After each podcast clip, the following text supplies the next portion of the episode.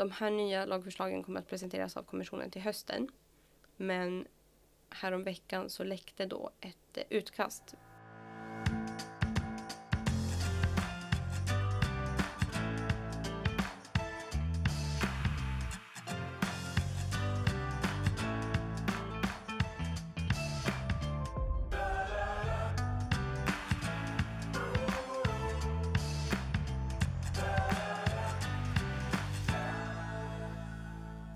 och hjärtligt välkomna till Djurens Rättspodd på Djurens Sida.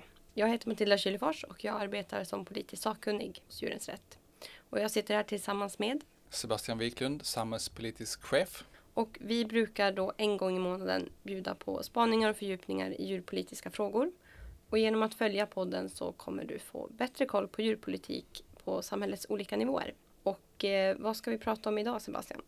Ja, men idag tänkte vi ju prata lite om vårpropositionen. Du har ju tittat eh, på den, mm. Matilda. Och eh, senare kommer jag prata lite om eh, Ekots lördagsintervju där vår landsbygdsminister var med mm. och blev utfrågad.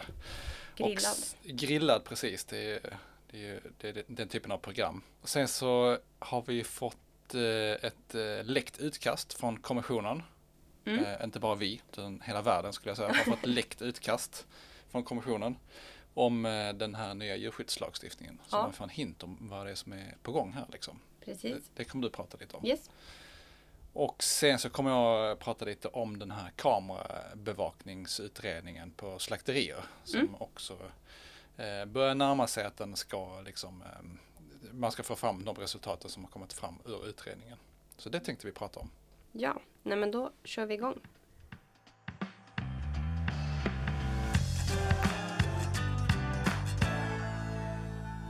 Ja, eh, om vi börjar med eh, vårpropositionen där då. Så eh, presenterade regeringen sin vårbudgetproposition den 17 april.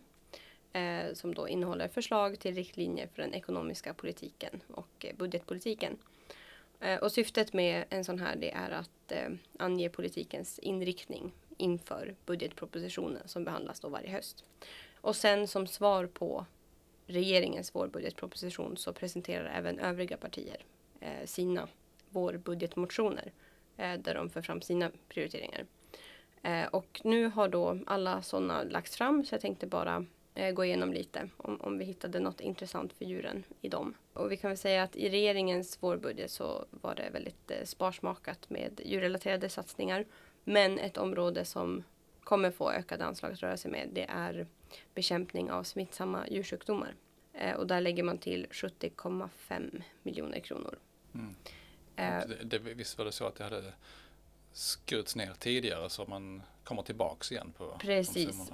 Eh, så, så man ska inte se det som någon historiskt stor satsning eller så utan det är mer att man insåg att man la till för man sköt till för lite pengar.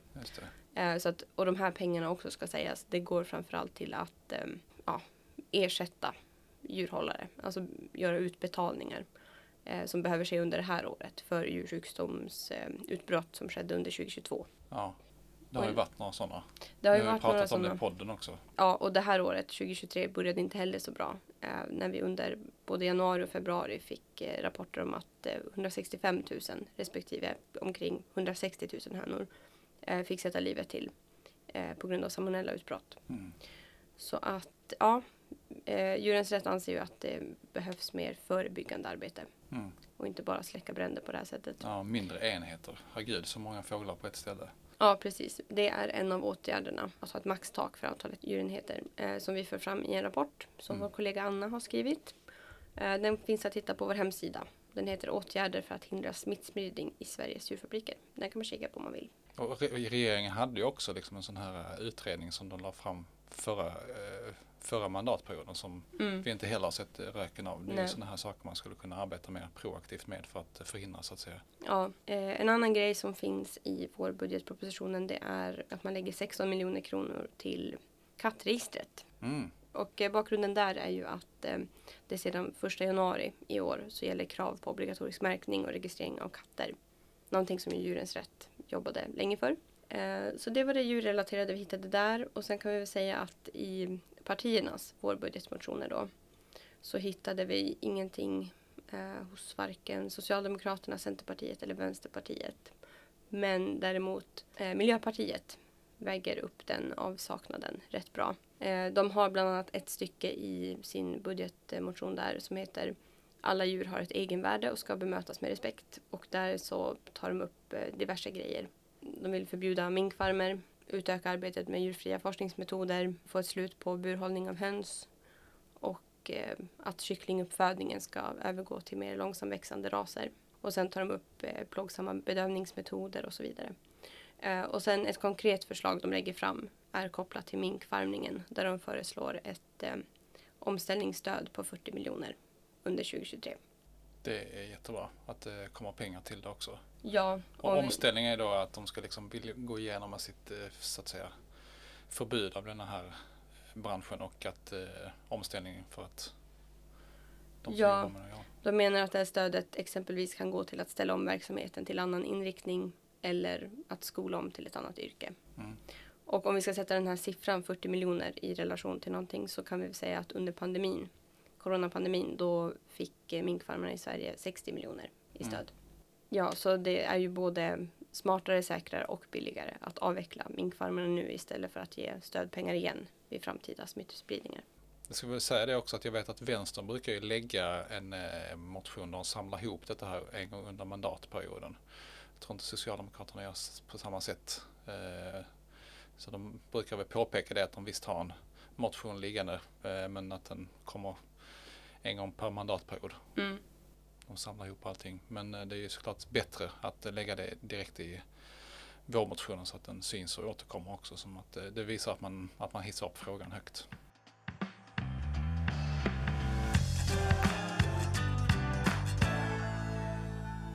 Ja, men jag har ju då lyssnat på lördagsintervjun och det är ju en sån här eh, utfrågningsprogram från eh, P1 som är väldigt bra som jag rekommenderar för lyssnarna att lyssna på. Eh, det var den 6 maj som vår landsbygdsminister Peter Kullgren frågades ut då av Cecilia Strömberg Wallin. Vi kan väl börja med att lyssna lite på den. Kristdemokraterna har ju i flera år drivit att man ska ta bort kravet på att korna ska gå ute och beta några månader varje år, det som kallas beteskravet. Ehm, är det regeringens avsikt att, att ta bort det? Vi har inte gett något sånt specifikt uppdrag i, i den här eh, utredningen. Men däremot så är djurvälfärden i, eh, i fokus. Och, men som sagt, det är, inget, det är inget förslag som ligger på eh, regeringens bord. Beteskravet nämns ju i alla fall i direktiven till den här utredningen. Ja, men, men det, är ju, det är ju en sak man skulle kunna titta på. Men då är det ju återigen viktigt att gå tillbaka till vad som syftet var med den lagstiftningen. Den kom ju till på en, i en tid Eh, då de flesta mjölkkor stod uppbundna i en, eh, i en lagård. Så ser ju inte en modern mjölkgård ut idag, utan det är lös, eh, lösdrift och man har robotar som mjölkar. Och inte sällan också möjlighet i närhet att, att gå ut när man vill. Men det här är ingenting som är, är beslutat än, så det får vi återkomma till. Eh, samtidigt så är det ju så att kor som betar ute har bättre hälsa, de har möjlighet, bättre möjlighet till naturligt beteende. Eh, de bidrar ju också till öppna landskap och mm. biologisk mm. mångfald som de ju inte gör om de står inomhus. Men, men lönsamheten blir ju eh, lägre för eh, mjölkbönderna. Så hur värderar du det så att säga? Du, du verkar ändå se det som en möjlighet att, eh, att ändra beteskravet. Nej, jag vill inte spekulera överhuvudtaget. Det jag konstaterar är att det är djurvälfärden som ska stå i, i fokus. Eh, att inte vi ska försämra djurvälfärden i och med att vi ökar konkurrenskraften. För jag tror att det kommer vara kontraproduktivt på, på sikt. Eh, men du har ju, innan du blev minister så har ju ni stått för att man ska ta bort det här beteskravet. Ja, det är, partiet har ju drivit den eh, ståndpunkten. Så vad vill du nu? Ja, men, men precis som jag säger, nu har vi tillsatt en utredning som ska, som ska titta på det här. Eh, hela regeringen eh, har inte fattat beslut om att vi ska tycka det ena eller det andra. Däremot så har vi tittat, eh, tillsatt en utredning som ska föreslå eh, åtgärder som stärker svenskt lantbruks konkurrenskraft med bibehållt, eh, bibehållna djurskyddskrav. Um, Okej, Peter Kullgren sa det, kristdemokrat, landsbygdsminister och gäst i Ekots lördagsintervju. Och jag tog fasta på en sak och eh, det var ju det som också kom fram här under programmets gång. Det var ju det här med beteskravet mm. som vi menar är hotat. Det var ju så att eh, landsbygdsministern inte riktigt ville svara på den här frågan, så uppfattar jag det som. Eh, men man kunde ändå läsa in vad det var man menade så att säga mellan raderna eller, eller det som skulle komma. För att det är ju så att KD själva har ju drivit den här frågan av att man ska avskaffa eh, beteskravet. Och eh, när det gäller eh, självaste regeringen så har man också tillsatt en eh, konkurrenskraftsutredning för att Sverige ska efterlikna EU mer då när det gäller då djurskyddsfrågor. Med tanke på att eh, Sverige en del frågor då ligger längre fram än EU så handlar det såklart då om försämringar. Ett ställe som vi ligger längre fram eh, än övriga EU är ju beteskravet. Här ligger Sverige bättre till. Mm. Och just detta här väljer man ju i sina direktiv till utredaren peka ut som någonting man ska titta extra noga på. Och eh, ja, men det är väl alldeles klart och tydligt egentligen även om ministern inte riktigt svarar på det sättet att det, detta är någonting som man vill helt enkelt se över eller ta, ta bort så att säga. Och eh, annars hade man inte heller lyft upp detta till utredaren tänker jag. Det blir lite invecklat senare när han eh, egentligen säger att han inte vill försämra djurskyddet. Medan eh, det är ändå inte så att den här utredaren har fått någon chans till att titta på någonting som skulle kunna förbättra djurskyddet överhuvudtaget. Det handlar om att anpassa Sverige, där Sverige ligger lite i framkant, till övriga EU. Mm. Eh, men här får han ju lite svårt att svara och journalisten hänger ju kvar och ställa följdfrågor. Ja, det gjorde hon verkligen. Och eh, ja, det blev lite jobbigt för honom där. Speciellt när hon tog upp att Kristdemokraterna har, har drivit frågan om att eh, ja, ta bort beteskravet. Ja men precis. Han säger också det att de inte riktigt har pratat ihop sig än så länge i regeringen. Nej. Så att, jag tänker väl att det finns så att säga lite av en förhandling fortsatt efter att utredningen kommer med sina, sina förslag. Ja, men det känns i alla fall klart och tydligt vad han vill att utredningen ska landa i. Ja, och eh, man känner lite av att man väntar på en förevändning till att egentligen ändra den här typen av lagstiftning eh, i samband med att eh, man säger att man, att man inte ska försämra djurskyddet om det då kommer fram så att säga någonting som förmildrar detta eller eh, visar på någonting annorlunda jämfört med all den gängse forskning som redan finns liksom, på det här området. Hon är väldigt tydlig och klar på detta här, det här, den här journalisten som intervjuer och ministern svarar inte emot det heller, liksom, att det här är bättre för djurhälsan för, eh, för korna i det här fallet. Ja, eh, jag tror vi tog upp det i förra, eller inte du och jag, men Djurens Rätts förra poddavsnitt eh, om eh, kosläpp. Det här Växa Sverige som djurförsöket som man genomför där man ska hålla kor instängda i 18 månader. I den utredningen, eller i det djurförsöket med korna så refererar man till den här konkurrenskraftsutredningen. Så att ja, nej, men det känns tydligt att, att Kullgren vill att eh, både försöket med korna och eh, utredaren ska landa i att korna mår bra även om man rycker bort eh, beteskravet. Men som du säger så är det ju beforskat. Ja men precis och det ska också läggas till att Växa Sverige är branschens egna eh, organisation med så att säga egna intressen också. Så att mm. eh, det är ju precis som du sa att de använder i sin ansökan till etiska nämnderna en argumentation från att man också såg att det fanns liksom en, en, ett regeringsuppdrag nu att se över detta. Så det gav ju såklart också tyngd till eh, självaste ansökan. Även om det egentligen inte ska spela roll så förstår man att eh, annars hade man inte nämnt det så att säga. Att det, det, är aktuellt liksom. Men jag tänker också som han liksom resonerar, att han målar ju ändå in sig i ett hörn. Att om det nu skulle vara så att det här försöket med korna inte visar att, att de mår lika bra eller mm. bättre, mm. alltså när de inte får komma ut då känns det som att då, då faller det ju. Mm. Då kan man ju inte driva igenom det så som de pratar. Absolut, då blir det, fogas ju ännu ett argument till att i sådana fall behålla det. Mm. Eh, men sen så också som jag brukar tänka, jag är ju inte etolog utan vi pratar med våra etologer men man ser ju liksom, det är väl klart att det är bra för korna att komma ut så att säga mm. på bete. Så att, men, eh, men jag tycker också att han får ju väldigt svårt när han egentligen säger i den här intervjun att eh, det inte, det ska, alla de här sakerna som de vill driva igenom ska inte ske på bekostnad utav utav försämrat djurskydd eller djurvälfärd.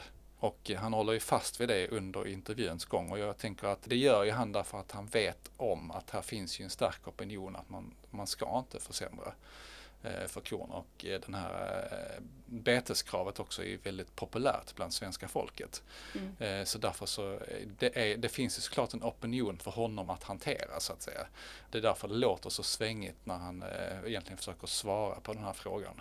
Men jag tänker också att eh, det har ju varit en hel del diskussion och debatt efteråt också eh, i samband med, eh, ja men kosläppen är ju nu, vi skickar ut en debattartikel, jag vet att andra organisationer också eh, skickar ut debattartiklar och eh, det har varit reportage och så, och så vidare i tidningar. Så att det är liksom på, på uppgång eller uppsegling detta här nu om att vad det är för försämringar som man egentligen har eh, satt igång att eh, börja utreda kring så att säga. Ja. Ja, men vi har ju kommenterat detta här tidigare, men kände att det var angeläget att återkomma med tanke på att det är ett sånt stort program med Ekots lördagsintervju där vår landsbygdsminister också uttalade sig. Så att eh, det är här vi är nu. Man eh, märker att det är lite svårt för honom att navigera i den här frågan och eh, vi kommer såklart att göra det här ännu svårare för honom i framtiden för att eh, vi tänker att beteskravet naturligtvis ska kunna vara kvar. Men vi, vi följer frågan Matilda, eller hur? Så att, eh, ja, vi får återkomma till lyssnarna och kanske senare också be dem om lite hjälp så att säga. Om vi kommer till det att vi behöver liksom kampanja mer och dra på mer för att eh, se till att något sånt här inte kommer att ske i framtiden.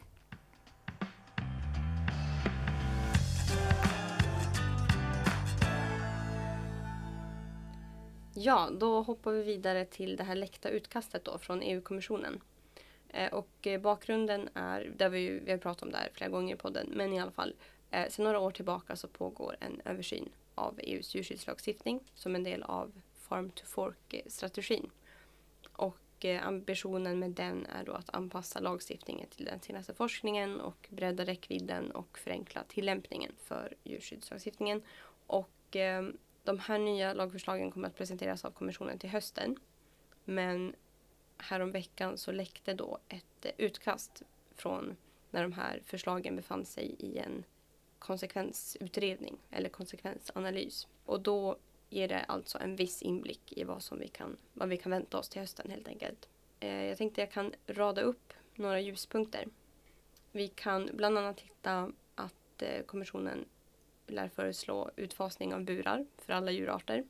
Och det är ju då i linje med End Cage Age, medborgarinitiativet som fick 1,4 miljoner underskrifter häromåret som syftar till att då fasa ut alla burar inom EUs livsmedelssystem.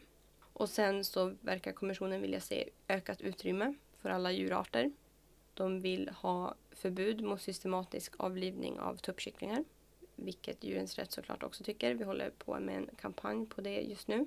Sen har vi ett förslag som rör introduktion av välfärdskrav för bedövning av fiskar i vattenbruk och även förbud mot plågsamma slaktmetoder såsom elbadsbedövning för fåglar och koldioxid för grisar.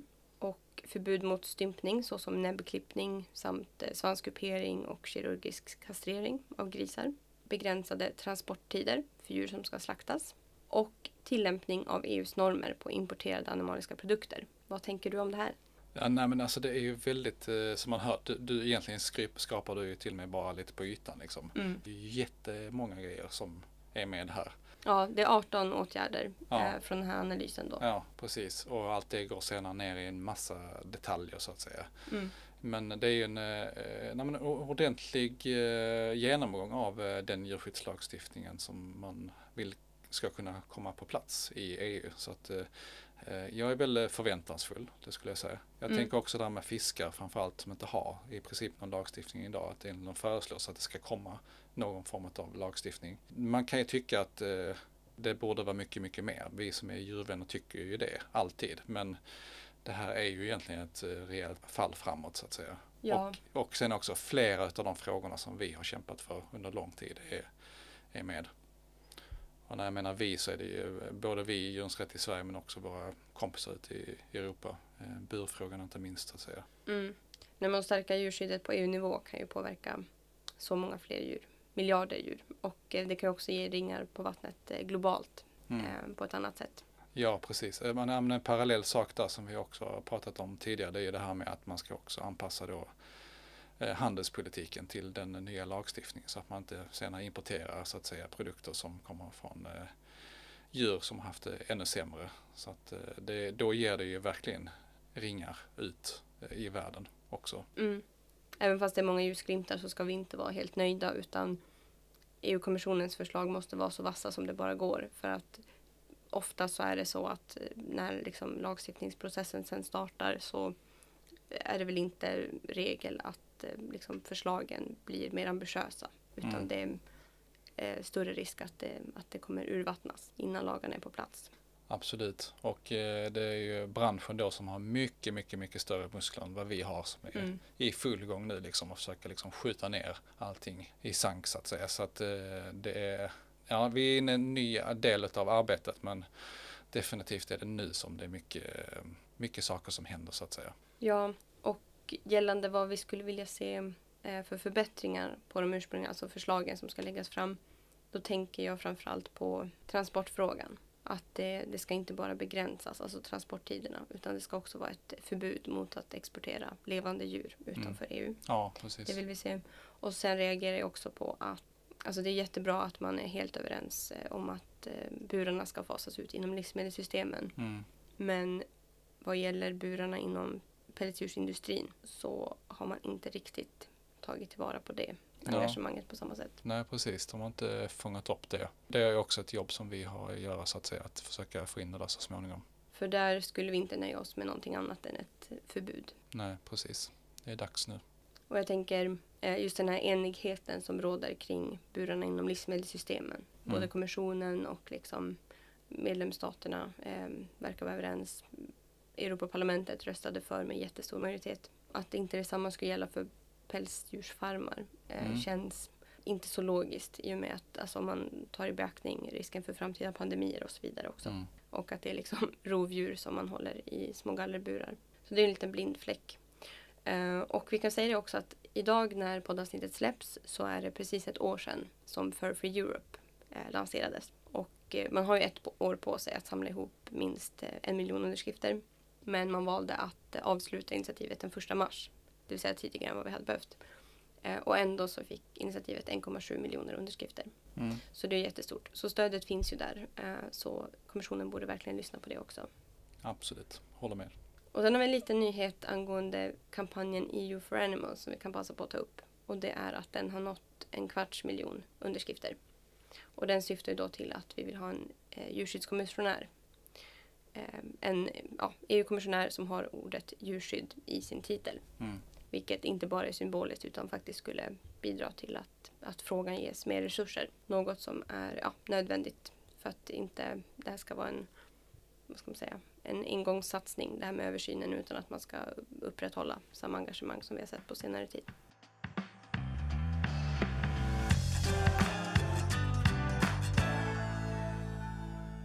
Ja, okej. Eh, Jag har ju tittat även på den här utredningen om eh, kameraövervakning som är en utredning som är, eh, ja, men har mer fokus på djurskydd egentligen på det sättet att man vill göra förbättringar än den utredning om konkurrenskraft som vi nämnde tidigare. Mm. Och den ligger ju hos en utredare nu och ska komma fram alldeles strax med resultat och vi är väl förväntansfulla eh, kring det. Men om man bara säger någonting om bakgrunden, jag tror säkert att lyssnarna kan eh, förstå detta här, men det är ju så att det har uppdagats väldigt många olika skandaler de senaste åren men innan det också så att säga och i samband med det eller kölvattnet av det så har man ju då tillsatt en utredning för att titta då på eh, kamerabevakning på slakterier med syfte att stärka djurskyddet här.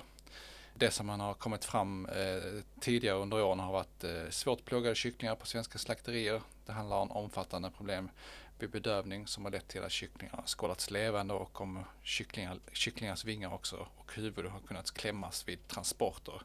Och det är ju ett känsligt läge så att säga när man transporterar djur när de ska slaktas och så vidare. Det är väldigt mycket faror med att, eh, att eh, djur hanterats på ett eh, olagligt sätt så att säga. Och eh, då är det viktigt att man också har bevakning över det. Och eh, i den här utredningen så ska vi säga att det är särskilt glädjande att det har egentligen inte varit en fråga om om, om man ska införa eh, kamerabevakning utan hur en kamerabevakning skulle kunna användas istället. Och det är en viss eh, skillnad där att det är liksom hur man skulle kunna göra det då.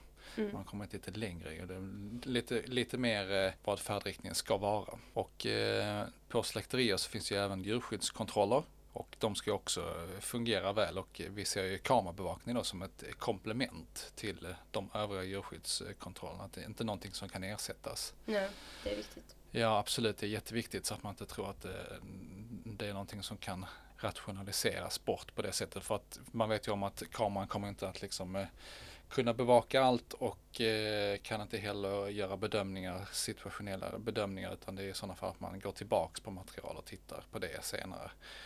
Eh, och apropå det här med att gå tillbaks till material så är det också så viktigt att den här materialet som ändå tas fram då att det också används med syfte att Eh, rätta till fel, se när fel har begåtts och att de i sådana fall eh, eh, behandlas på det sättet som de ska göra när det är, när det är fel. Så att använda materialet är väldigt viktigt så att det inte bara är en kamera som står och tickar.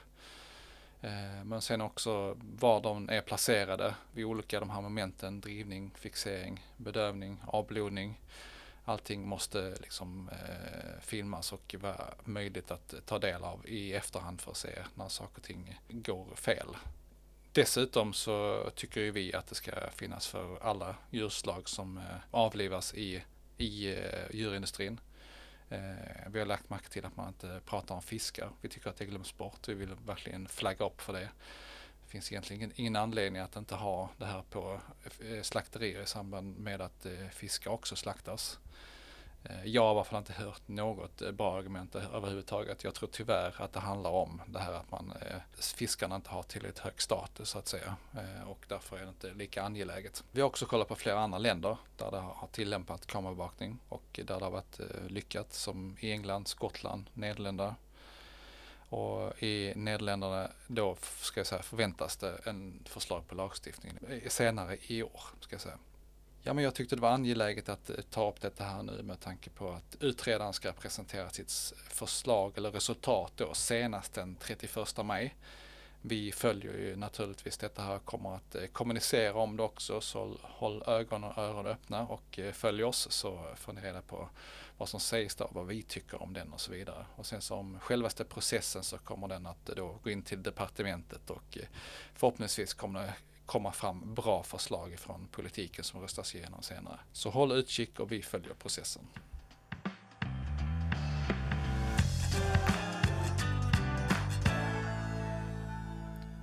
Det var allt vi hade att bjuda på idag. Gillar du vår podcast så se till att du prenumererar på podden. Då missar du aldrig när ett nytt avsnitt släpps i din poddapp. Till sist vill vi tacka dig som har lyssnat idag och det är tack vare våra månadsgivare som vi kan fortsätta att göra skillnad för de djur som är flest och har det sämst. Och vi behöver din hjälp mer än någonsin så gå in på www.djurensrätt.se medlem och bli månadsgivare idag. Och vill du som lyssnar tycka till om podden eller komma med önskemål på ämnen eller gäster så mejla gärna oss på podcast.djurensratt.se. Ha det fint tills vi hörs nästa gång och tack för att du står på djurens sida. Hej då! Hej då!